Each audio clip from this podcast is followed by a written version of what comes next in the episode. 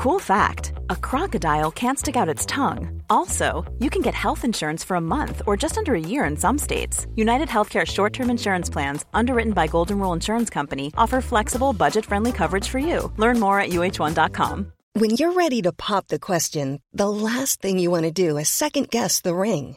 At Bluenile.com, you can design a one of a kind ring with the ease and convenience of shopping online. Choose your diamond and setting. When you find the one, you'll get it delivered right to your door. Go to Bluenile.com and use promo code LISTEN to get $50 off your purchase of $500 or more. That's code LISTEN at Bluenile.com for $50 off your purchase. Bluenile.com code LISTEN. Everyone knows therapy is great for solving problems, but getting therapy has its own problems too, like finding the right therapist, fitting into their schedule, and of course, the cost. Well, BetterHelp can solve those problems. It's totally online and built around your schedule. It's surprisingly affordable too. Connect with a credentialed therapist by phone, video, or online chat, all from the comfort of your home. Visit betterhelp.com to learn more and save 10% on your first month. That's BetterHelp, H E L P. One size fits all seemed like a good idea for clothes Nice dress. Uh, it's a it's a t-shirt. until you tried it on. Same goes for your healthcare. That's why United Healthcare offers a variety of flexible, budget friendly coverage for medical, vision, dental, and more. So, whether you're between jobs, coming off a parent's plan, or even missed open enrollment, you can find the plan that fits you best. Find out more about United Healthcare coverage at uh1.com. That's uh1.com. I don't need a lot of brains in this business. I mean, I've always said if you got an IQ of 160, give away 30 points to somebody else because you don't need it in investments. What you do need is emotional stability. Wow. Very first tech IPO, and it's a big one. Stock market hit an all-time record high today. A crash is coming. Now, whether it's six months from now, 12 months, 36 months, no one knows. There's a bear market about every five years. We've gone eight years without one. People have to realize this is the biggest IPO ever. Hej och välkommen till ett nytt avsnitt av Market Makers. Hur är läget med dig Fabian? Det är fantastiskt. Det är ju en eh, lika bra vecka som alla andra veckor att snacka börs och eh, annat gott. Härligt. Jag känner mig på lite sådär spralligt humör, så jag tänkte jag skulle prova ett nytt intro här. Är du beredd? Bara kör på. Jag tänkte så här, det finns ju, det finns ju faktiskt en, åtminstone en till eh, svensk börspodd. Eh, och de brukar ju börja sitt intro med att dra en, eh, berätta vad index står i. Eh, så jag tänkte att jag skulle dra en, en variant på det. Är du beredd? Ja, kör på. Och då är det så här, vi har ju SPX, alltså S&P 500. Den, står ju, den har ju redan tagits över 3000. Check på den. Sen har vi Nasdaq som ligger 7% från att gå upp till 9K. Och sen har vi Dojan, den är 9% från att nå 30K. Men viktigast av allt det är att bitcoin nu är endast 2 prosse från att nå 90 miljoner uzbekistanska som. Oj, oj, oj. Fan, Så. det var ju kul. Ja, för sifferfantasten så var det ett bra intro. Jag tror att vi kanske kör vårt eh, vanliga intro nästa vecka.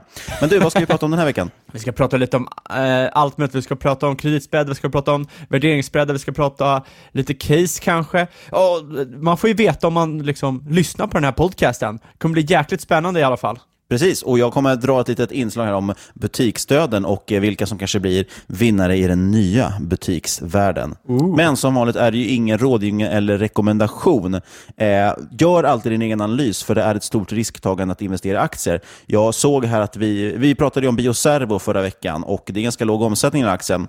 Eh, 11% gick den upp den dagen vi pratade om den. Jag vet inte om det var på grund av oss, men den gick i alla fall upp väldigt mycket samma dag som avsnittet släpptes. Och då är jag lite tveksam till att folk har hunnit göra sin analys på det bolaget och sen köpt in sig. Eh, sen föll den tillbaka igen, så tji fick ni. Men Kom ihåg det, att det finns ett stort risktagande, gör alltid er egen analys. Eh, bara för att vi pratar om någonting så betyder det inte att det är någonting som passar kanske i din portfölj.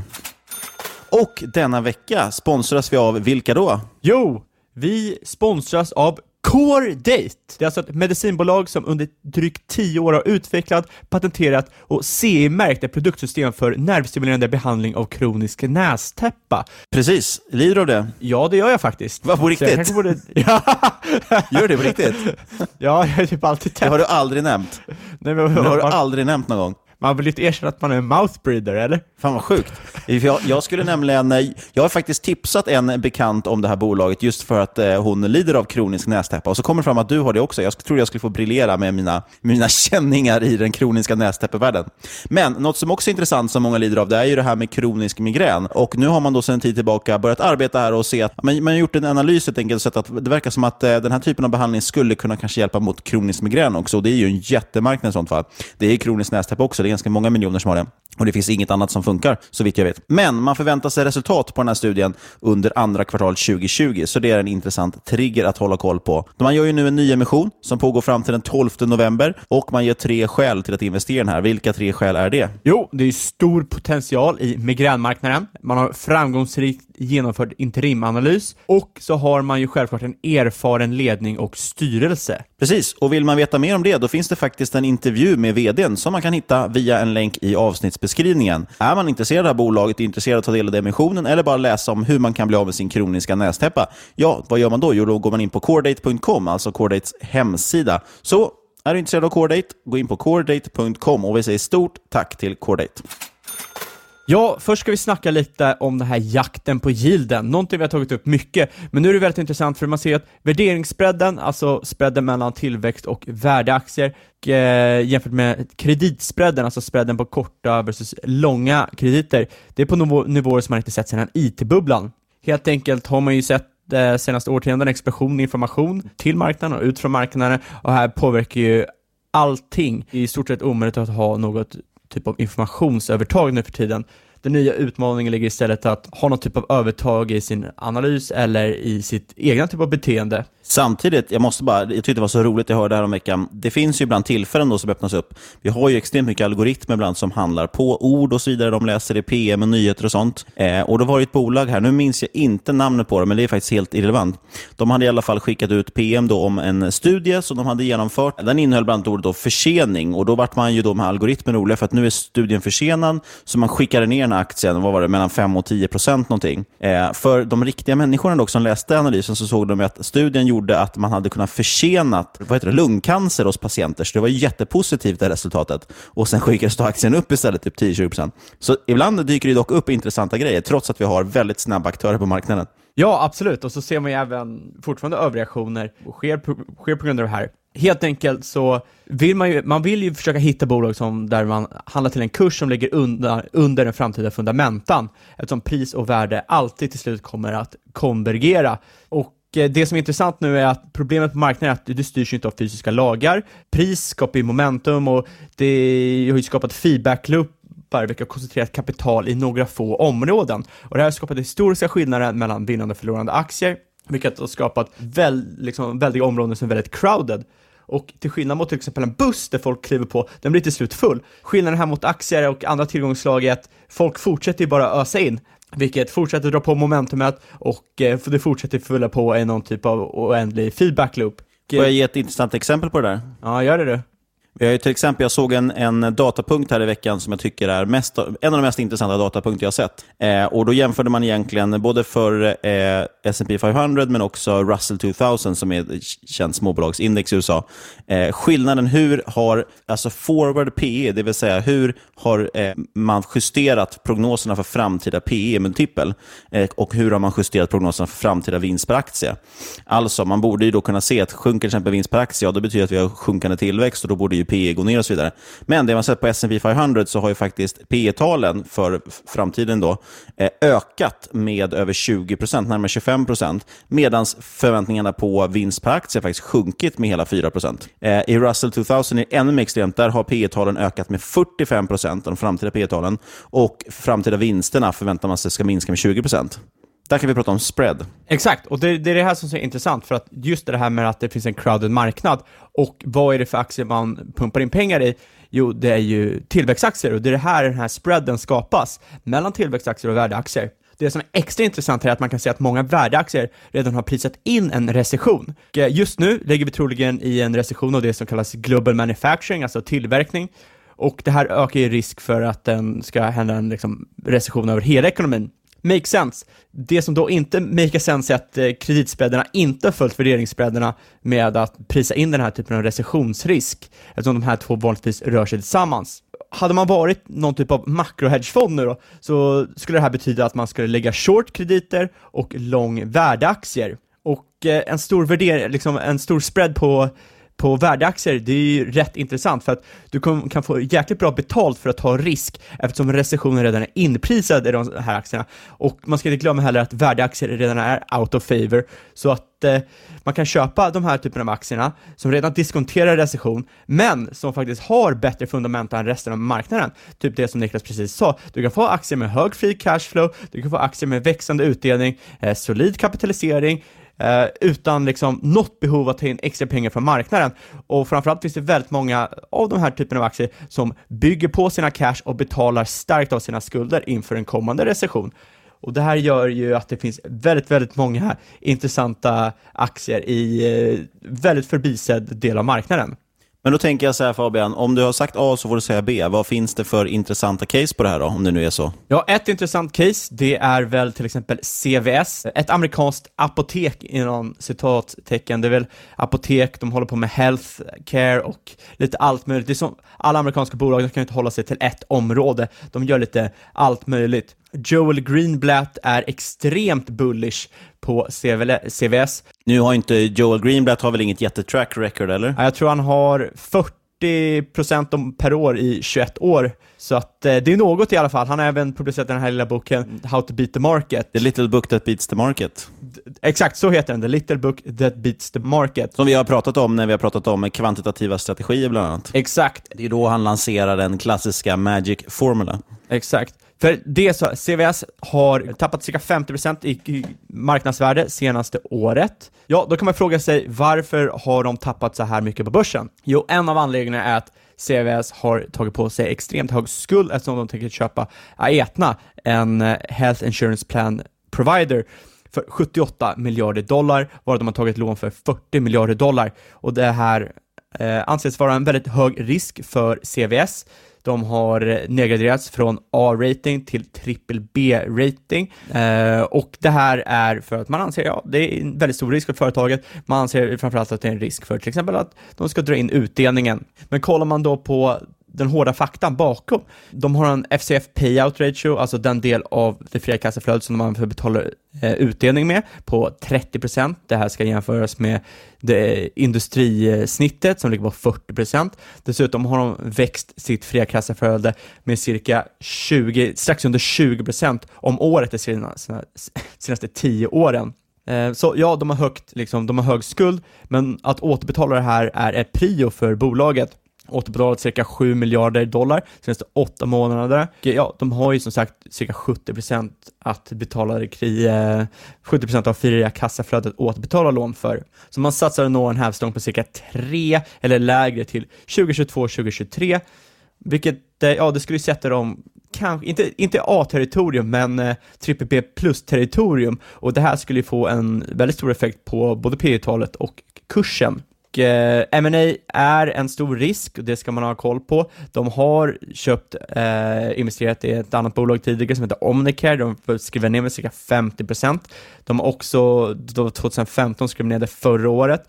De, 2006 köpte de ett bolag som heter Caremark RX som gick lite bättre. Men det som är intressant med CVS, det är att de har en, eh, de har en affärsmodell som presterar oavsett konjunktur. Fast vet du vad jag läste idag? Och då?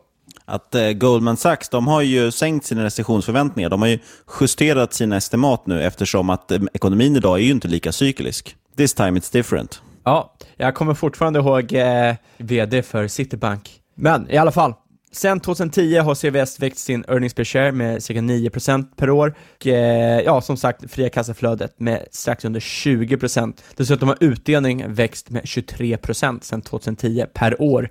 Och det här är väldigt intressant när man kollar på att ja, de är det största apoteket i USA, nästan 10 000 locations i hela USA, över 100 miljoner eh, betalande liksom, medlemmar, om man ska säga, folk som behöver subscriptions sitter och betalar till CVS. Och det här gör att de är en otroligt dominerande spelare på marknaden.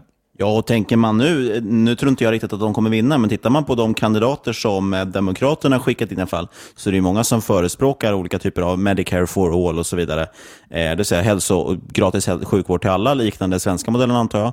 Eh, och Det är också någonting som är ganska passande. De har väl drygt 20 miljoner idag som har så medical benefits eh, som kommer till det här, apoteken. Men eh, det blir ju ännu fler såklart om man har gratis sjukvård.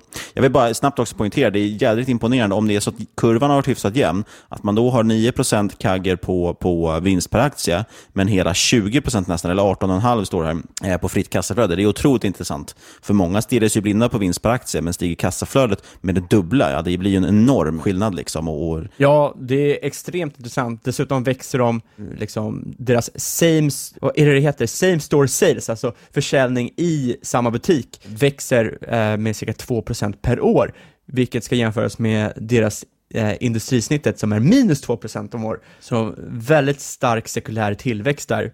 Så, men man kan ju fråga sig lite vad analytikerna tror att CVS har framför sig. Ja, analytikerna förväntar sig en relativt modest tillväxt, 3,3 men så ska man tänka på att CVS, deras nuvarande värdering ligger på P på cirka 9, eh, kanske cirka 60-70% under deras historiska P. Det här gör att deras nuvarande kurs ligger på cirka 67, men om den skulle öka till deras, eh, om de skulle komma tillbaka till sina historiska värderingar, så skulle kursen ligga på cirka mellan 107 och 110 dollar. Det, ja, man har ju nästan en dubblering där på några år, trots att det är en väldigt modest tillväxt. Det som är extra intressant är att till skillnad mot många andra bolag som, som är i en liknande kategori, som är någon typ av recessionsresistenta eller kanske är någon typ av, eh, enligt många, värdecase, så tradar ju CVS under, eller nära sin lägsta värdering på över 10 år. Så att det är väldigt låg risk att man överbetalar för vinst eller kassaflöde eller utdelning, eh, till skillnad mot många andra typer av bolag. Ja, apropå, för de här som gillar utdelning så kan det nämnas, man har ju delat ut det över 91 kvartal på rad här nu.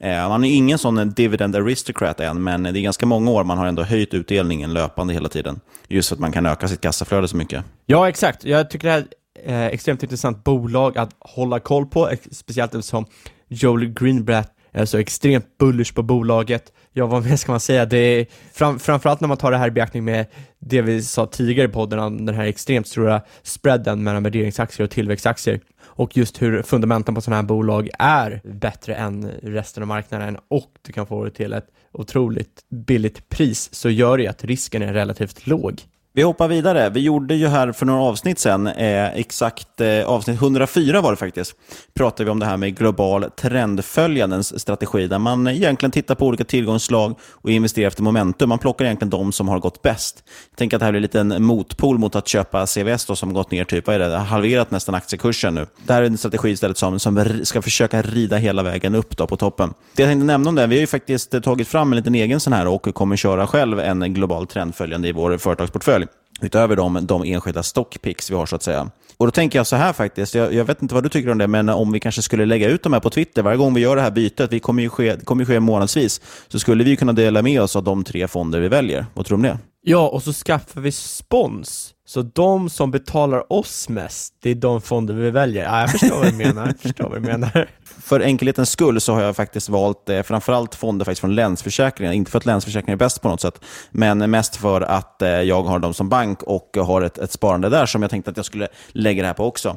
Och eh, Då vart det smidigare helt enkelt att välja bland deras fonder. Plus att de är eh, ganska billiga, så, men inget spons i övrigt. Eh, förutom det har vi faktiskt även med en Pacific Precious. Vi hade ju med oss avsnitt 58, Erik Strand. Det var ju han, den fonden han rattade förut. Eh, nu är inte han kvar, utan nu har han någonting som heter AUAG Fonder. Eh, det kan man kolla in. Jag såg att de skulle lansera nu någon ny fond här på både Nordnet och Avanza skulle den dyka upp. Eh, men den har vi valt som en form av lite guldexponering eller ädelmetallsexponering. Annars är det egentligen, eh, vi har valt ut de, de sektorer och index som Börslabbet använder i sin studie men då plockat eh, de fonder som motsvarar här. Eh, de olika sektorerna då, det är ju Japan och sen är det Asien, där man tar alltså exklusive Japan. Det är USA, det är Europa, det är tillväxtmarknader.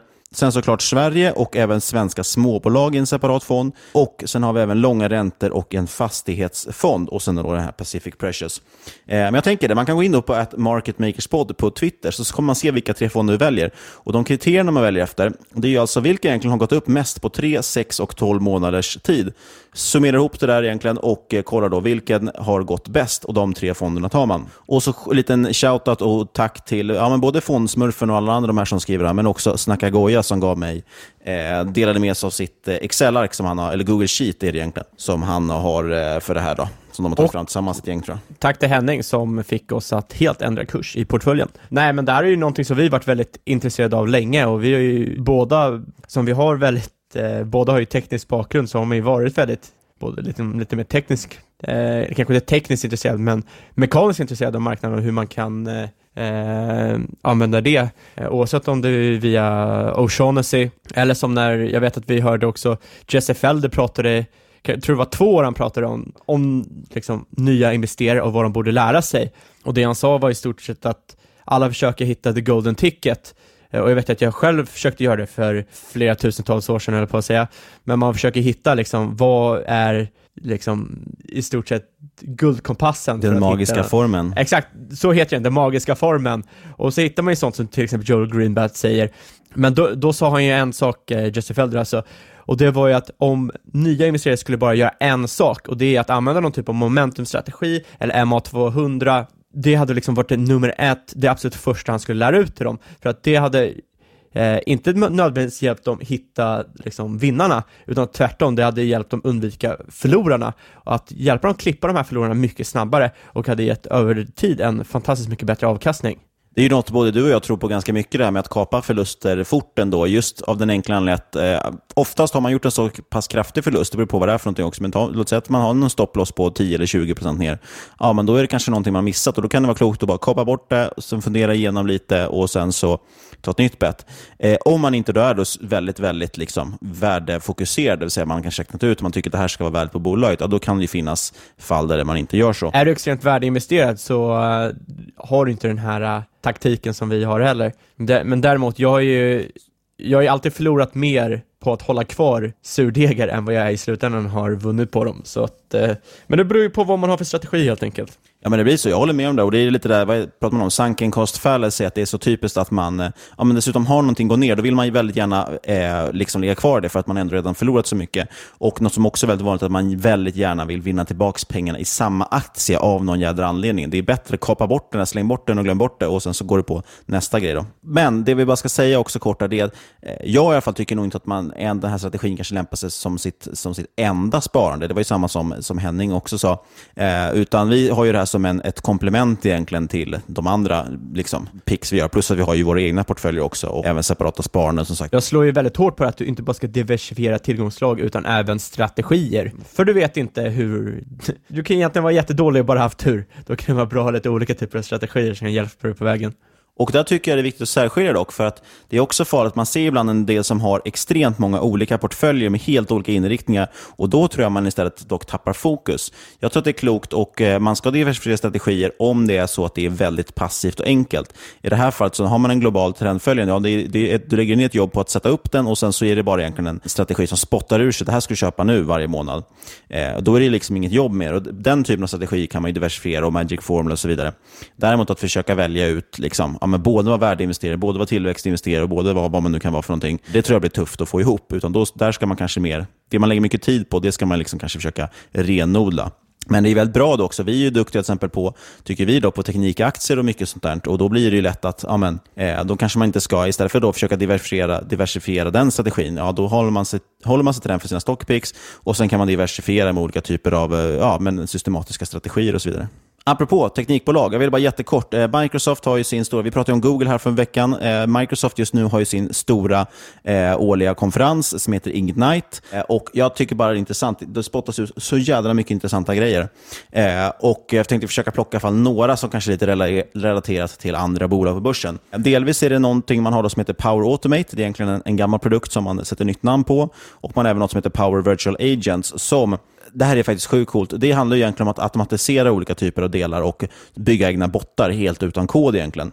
Det som är nytt nu, som man inte kunde göra förut, det är att du ska kunna integrera egentligen vilka system som helst. Genom att till exempel, låt säga att du varje dag har ett affärssystem på ditt företag och eh, sen då vill, får du in någon ny kund eller någonting, då ska du mata in siffrorna i affärssystemet, sen ska du gå över till det andra systemet och mata in siffrorna där. Istället för att behöva göra det manuellt varje gång, då i princip gör du som, som i Excel och sånt, att man kan spela in makron. Då kan du liksom spela in hela din skärm egentligen. Ja, jag hämtar det därifrån och jag skriver det dit. Och den här, de här produkterna känner du av. Vad var det du gjorde rent tekniskt i alla de här programmen och kan då automatisera det flödet. Sjukt coolt och något som jag tror kommer bli väldigt, väldigt stort. Och Det här är den typen av AI som verkligen, verkligen kan eh, förbättra och dessutom utmana och eh, kanske liksom vara en stor risk för väldigt många jobb. Eh, Forrester, de har vi väl nämnt här tidigare på det några gånger, det här analyshuset. De har ju gjort en, eh, en stor studie på det här och tittat på just den här produkten Power Automate. Eh, sett att den ger ungefär 362% ROI de första år, tre åren. Man får alltså tillbaka sin investering med tredubblar sin investering. Man har ungefär 70% bättre produktivitet eh, i den här typen av de applikationer man jobbar i och man har dessutom 15% liksom average improvement då i sina allmänna affärsprocesser de tre, under de här tre åren. Något annat som är intressant är att man kommer lansera i sina tjänster eh, egna stockbilder. Jag vet inte eh, hur många sådana företag det finns på börs faktiskt. Har du koll på det? Vet du om det finns något stockfotobolag på börsen? Typ de här Shutterstock och allt vad de heter. Ja, Shutterstock höll jag på att säga, men de är väl inte börsnoterade? Jag tror många av de här är, är privata eller har något, eh, något moderbolag som äger dem. Men jag tror i alla fall de kommer bli extremt, extremt hotade av det här. För övrigt, vet den här GIF-applikationen som alla har, eller det här Tenor, finns det ju, eller Tenor, är det ju något som alla har för att GIF-animationer. Jag vill bara kommentera att Shutterstock finns faktiskt på börsen. Det är fyra ägare på ja, Avanza. Du ser, en, en underanalyserad aktie kanske. Ja, ja, ja. Tror de kommer kunna få det lite tufft faktiskt av den här typen när företag börjar erbjuda gratis stockfoton i, som del av sitt större erbjudande. Eh, och Det här är också kraften i den här typen av företag som, som Microsoft och Google och så vidare, de här jättarna, som kan faktiskt erbjuda någonting annat helt gratis för att de vet att det lyfter liksom, eh, nöjdheten i deras andra produkter som de tjänar pengar på. Och då är därför att inte nämna Tenor, då, till exempel den här stora GIF-applikationen som typ alla har i sin telefon. Man kan trycka på GIF och så får man massa rörliga animationer. Den ägs faktiskt av Google, det visste inte jag i alla fall förrän, eh, förrän ganska nyligen. Eh, apropå det också, eh, det är samma sak där. Jag vet att, att Microsoft köpte då ett företag som heter Mover, som har ett ganska stort eh, uppköp, som är ett migreringsverktyg för att flytta data. Eh, och Det är också typ en sån grej. Det finns ju rätt många företag i världen som lever på att ta fram sådana migreringsverktyg och sälja dem svindyrt. Eh, jag vet att det var något, någon konkurrent, de tog 50 000 per år för en licens. Eh, nu köper man upp då en konkurrent till dem och så säger man nu är den gratis för alla Microsofts kunder. Eh, det är lite tråkigt att vara i en sån bransch. Och Vi har ju då ett företag här i Norden som heter Pressio Fishbone bland annat. De är börsnoterade alltså och, och jobbar enbart med, egentligen med att, eh, eller till stor del med att utveckla eh, skräddarsydda produkter i just Microsofts miljöer. Den typen av företag tror jag också kommer få det väldigt svårt. Jag tror det kan vara värt att ta med, för jag vet att de dyker upp på rätt mycket screeners och sådär för att de har fina nyckeltal. Exempel på det är Arla Foods, alltså våra klassiska svenska Arla, lyfter man upp som en, ett, en showcase-kund hos Microsoft. Och då säger deras eh, vad säger man, lead architect att för tre år, det som för tre år sedan tog månader av kodning att göra, liksom, det finns redan out of the box så du kan implementera det på några veckor. Eh, och Det tror jag kan bli en riktigt riktig jobbig situation för till exempel Pressio Fishbone. Men det om det. Jag tänkte gå vidare till något annat, en annan bransch som sägs ha det svårt och det är ju butikerna och den klassiska butiksdöden. Jag har tittat på tre stycken bolag eh, som jag bara tänkte lyfta för den som är intresserad, som eh, på olika sätt eh, ska då revolutionera, digitalisera eller förbättra egentligen eh, butiksvärlden så att säga. Kan du tänka dig vilka det är? Jag har ingen aning faktiskt. Så att eh, du får snurra på så är det förhoppningsvis några man har hört talas om tidigare. Ja, det första borde du ta som eftersom du träffade deras VD. Eh, det var ju Ad City Media. Ja, den gamla räven. Ja, skäms du nu? Vänta, va? Varför skulle jag skämmas? Så full var ja, men vi har ju stått, vi har ju till och med, vi, stått, vi har stått på en, en scen där med deras vd och skulle presentera dem och ha utfrågning. Så har du glömt bort vad de jobbar med. Ja, ja, nej, jag tyckte det var lite illa. De heter i alla fall, de heter i alla fall Ad City Media. Ticken är ACM. Eh, jag tror att det pratas om det lite grann i Kvalitetsaktiepodden. Tror att de har ägt lite aktier, eller äger kanske till och med aktier. Så de gillar det här, så det ska tyvärr vara ett, ett kvalitetsbolag, det är inte om. Eh, de är verksamma inom, verksamma inom reklambranschen. Eh, erbjuder då diverse produkter för marknadsföringssyften, det är till exempel vepor, trycksaker och så vidare. Men det stora och det som man egentligen pratar om, det är ju det här med LED-skärmar, olika typer av digitala annonsytor. Och dessutom då, det är installation, montage och så vidare, konsulttjänster. Sen dessutom har man något som man trycker mycket på, det är den här typen av prenumerations, eh, den här mjukvaran man har egentligen, som på olika sätt då ska göra smidigt att få ut eh, annonser i butiker och sånt. Eh, jag tror att det här är något som ligger i tiden, jag tycker det är intressant. Eh, de är noterade på First North, har en direktavkastning på 2,7 procent, så man får nästan 3 procent utdelning. P 18, så det är inte så blodigt. PS 1 ungefär. Eh, och man har väl växt på ganska trevligt, i alla fall sett till omsättning och även utdelning då för den delen. De har väl relativt eh, stor andel i, i alla fall Stockholm av de här reklamskyltarna med, med, med leddar. Absolut, och de är väl enligt vad jag har sett så är de ju framförallt i Norden då och eh, mycket Sverige. Men som sagt, det växer på ganska kraftigt och, och det är väl ingen som kan motsätta sig egentligen att det är en, en intressant marknad. PEG-tal på 0,6, så att som sagt ingen blodig värdering. Men då ska det också tilläggas att det har inte gått så bra för aktien. Den har väl den har sjunkit ungefär 20 procent det senaste året, så det har väl inte varit jätteroligt. Nu kommer de med sin Q4, alltså årsrapporten, den 26 november, så att för den som vill spekulera lite så kan det vara intressant. Eh, de har ändå hyfsade marginaler, 60 procent drygt bruttomarginal och sen en vinstmarginal på, på 6 procent. Eh, alla de här avkastningen på kapital ligger runt allt mellan 10 till 15 procent. Eh, så intressant, funnits i 19 år. De är marknadsledaren inom det här segmentet digital storformatsreklam i ut utomhusmiljö. Det låter ju väldigt nischat. Tycker det är jäkligt härligt när bolag nisch, säger liksom, ta något extremt nischat och så ser man att man är störst på det. AdCity Media de hävdar i alla fall att eh, framtiden är digital och det syns ju för de har cirka 1500 egna medieytor samt över 4500 digitala skärmar i sitt nätverk. Eh, och Man skapar strategier, driver innehåll och support hos sina kunder och så vidare. Tycker det är intressant och som sagt, det är en marknad som växer. Eh, men som sagt, aktien har gått svagt, ser dock billig ut, men det har den ju då annars sen gjorde den väl för, för 20% sen också. Nästa bolag som vi går vidare till, det är ju Pricer, ticker PRIC. Har du hört talas om dem då? Jajamensan. Noterade på small cap, de gör ju sådana här små etiketter. Går in på en ICA Konsum eller vad det kan vara och du har en liten etikett. De gör digitala sådana prislappar egentligen. Återigen, det här är också så här, jag ska tillägga att jag fick skämmas lite här, för jag har ju alltid liksom lite så här tyckt att Pricer verkar vara lite skräpbolag. Eh, men de är faktiskt noterade på small cap. De omsatte för över en miljard förra året, så det var inget eh, litet bolag. Eh, verksamma i ganska många länder. Har installerat över 190 miljoner sådana här små etiketter i butikerna. Eh, det är ganska mycket, över 50 länder är de i. Ja, men att automatisera något sånt här är ju fantastiskt eh, användbart. Det kan ju vid första, först liksom när man bara tänker på det första gången så kan man tänka fan det är jävligt onödigt. Men det är väl ungefär som att uppfinna eh, fjärrkontrollen till tvn. Har man den inte så ser man inte behovet, när man väl har den så kan man inte tänka sig något annat. Det är ju ett fantastiskt smidigt sätt att uppdatera prislapparna på. Precis, och jag har nog tänkt lite så här, väldigt fokuserad på ja, men vad ger det för nytta för kunden? Och det ger ju ingen större nytta, mig veterligen. Men förstå kostnadsbesparingen för butiken. Som sagt, 190 miljoner etiketter har bara Pricer. Eh, jag tänkte att varje sån ska uppdateras manuellt. Alltså de ska gå ut och byta den rent fysiskt varje gång det byts pris. Det mm. blir rätt många mantimmar som försvinner där. Omsättningen då, man klumpar ihop eh, regionerna så att man har en region som heter Europa, Mellanöstern, Afrika. Den ligger på närmare 750 miljoner i omsättning. Eh, det är majoriteten av intäkterna. Sen har man dock eh, närmare 400 miljoner i Amerika, så det är också väldigt stort. Och sen en liten skvätt på 57 millar i Asien, så totalt över en miljard. Man har gått väldigt mycket bättre än AdCity Media. Man är upp över 40 procent senaste året eh, och stigit rätt rejält sedan senaste rapporten här i oktober. Som eh, man är upp 13 procent sedan dess. Bolaget har funnits sedan 91, har över 100 anställda, så det är alltså 10, drygt 10 miljoner per anställd. Då. Det är lite coolt. Så jag tycker det är en intressant grej. Eh, bara kort här om värdera några siffror. Man direktavkastning 4 på 4% Det är inte dåligt. P 15,8, så nästan 16.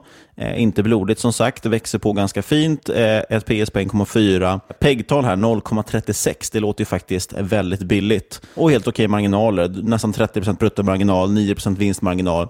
Avkastning på de olika kapitalen då, eh, ligger runt drygt mellan 10 15% på dem också. Dessutom en eh, nettokassare i bolaget. Det är alltså ett väldigt intressant bolag och eh, helt motsatsen till det du först trodde. Ja, det kan man säga. Det är större, det är billigare och eh, bättre än vad jag trodde. Eh, kul också tycker jag att man kallar sina system kallar man för POS-system. Eh, och vad står POS för? piece of shit, ungefär som dig och mig Niklas. Så att, I alla deras presentationer så står det så att our, our fantastic piece of shit system. Det tycker jag är kul. eh, sist ut i den här trion då med bolag som revolutionerar handeln är Z Display. Ticken är Z med Z. Eller Z det här är lite dyrare än de andra. P 24 ungefär, men PS-multipeln eh, ligger på 1,4 så det är inte så farligt. Man har eh, haft det lite skakigare om man tittar historiskt, men som sagt avkastning på eget kapital helt okej okay. och eh, bruttomarginal på 50% vinstmarginal på 6% Den här har de tagit, tagit upp lite grann. Penser Bank har ju tagit upp den här en del. Jag vet, jag tycker att den här är en bra aktie. Eh, den har stigit, den ligger på small cap och stigit ungefär 17 senaste året.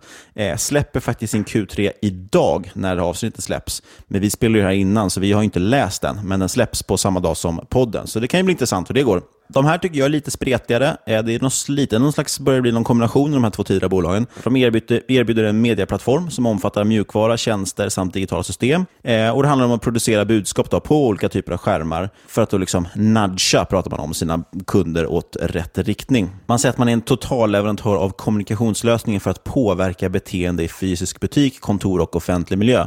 tycker jag låter lite obehagligt. Och att man då är, eh, har en djup förståelse av mänskligt beteende i beslutssituationer funktioner. Väldigt, väldigt obehagligt. ja, men då har väl Google och Facebook också. Men man får väl avgöra själv om man tycker de är obehagliga eller inte. det är faktiskt sant. Facebook ska ju rebranda nu förresten, det är en ganska stor nyhet. Eh, de kommer ju byta namn från Facebook till Facebook. Jajamensan. Det är väl snarare att de ska rebranda sina under, undersåtar, WhatsApp och eh, Instagram. För Mark Zuckerberg tycker inte att Facebook får tillräckligt mycket och cred för att, eh, hur mycket Instagram har och liknande har växt. Men man ska faktiskt också som sagt byta då loggan. Så att man, förut har man haft ett stort F och sen Facebook. Nej, det har varit små bokstäver förresten alltihopa. Nu byter man det till bara stora bokstäver. Men man, man har ju bara använt loggan tidigare. Nu ska det ju vara nya bokstäver, en cool så här, lila gradient som det heter om uh, folk som håller på med Photoshop innan.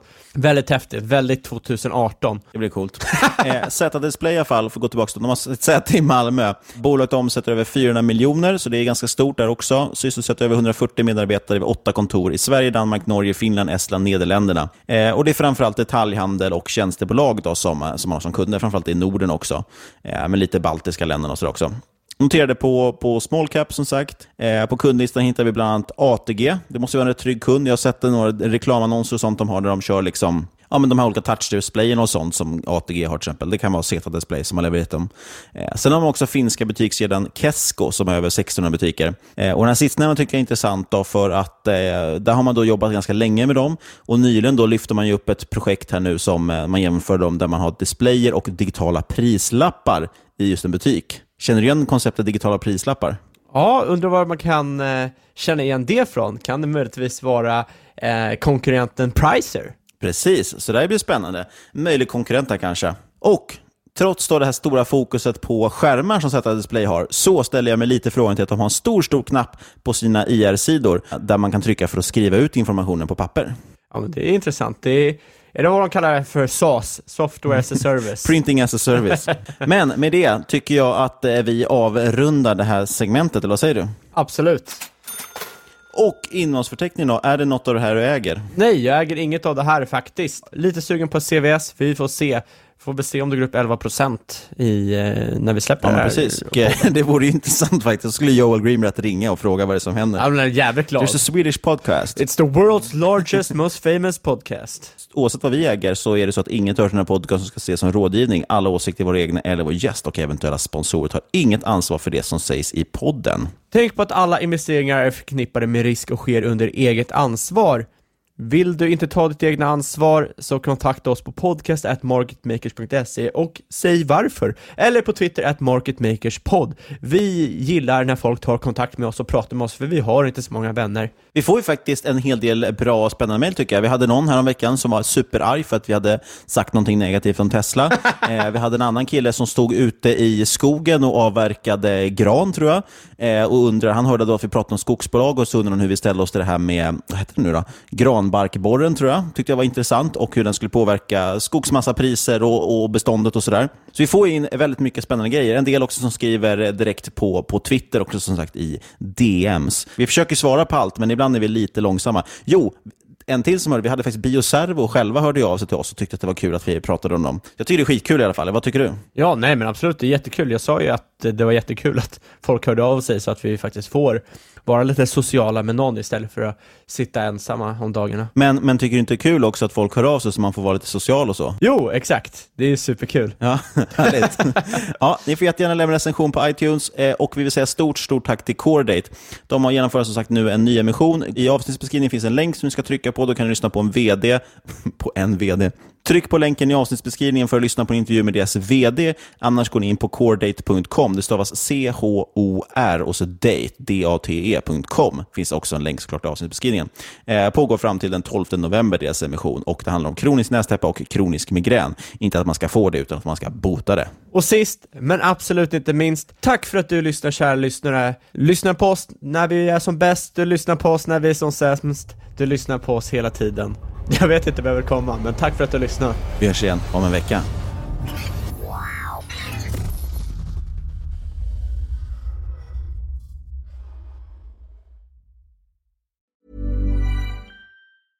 Mother's Day is around the corner. Find the perfect gift for the mom in your life with a stunning piece of jewelry from Blue Nile. From timeless pearls to dazzling gemstones, Blue Nile has something she'll adore. Need it fast? Most items can ship overnight. Plus, enjoy guaranteed free shipping and returns. Don't miss our special Mother's Day deals. Save big on the season's most beautiful trends. For a limited time, get up to 50% off by going to Bluenile.com. That's Bluenile.com.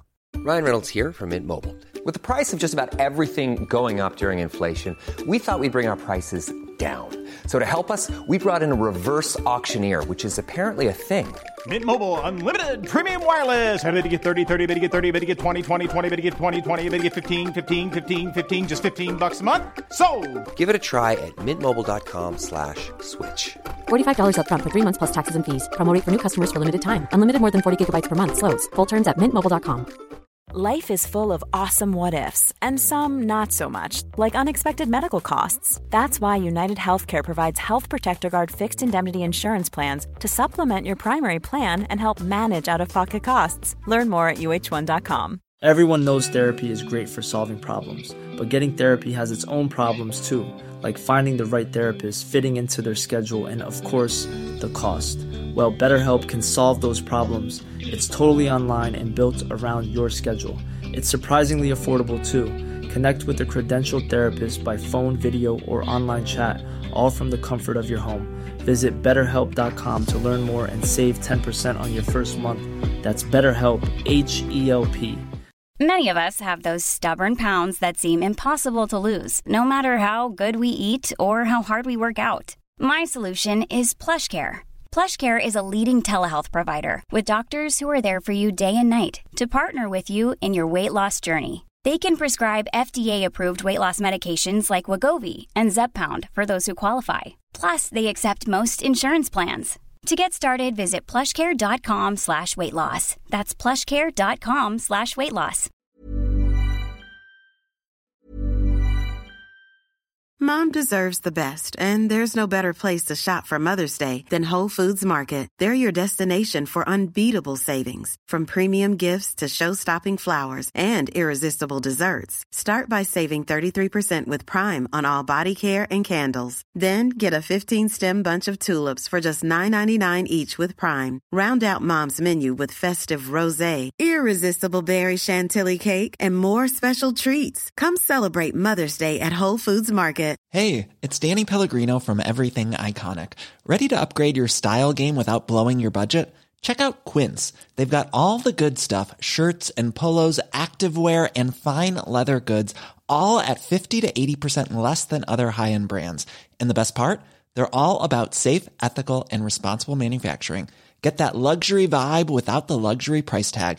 Hit up quince.com slash upgrade for free shipping and 365 day returns on your next order. That's quince.com slash upgrade. Mom deserves the best, and there's no better place to shop for Mother's Day than Whole Foods Market. They're your destination for unbeatable savings, from premium gifts to show-stopping flowers and irresistible desserts. Start by saving 33% with Prime on all body care and candles. Then get a 15-stem bunch of tulips for just $9.99 each with Prime. Round out Mom's menu with festive rosé, irresistible berry chantilly cake, and more special treats. Come celebrate Mother's Day at Whole Foods Market.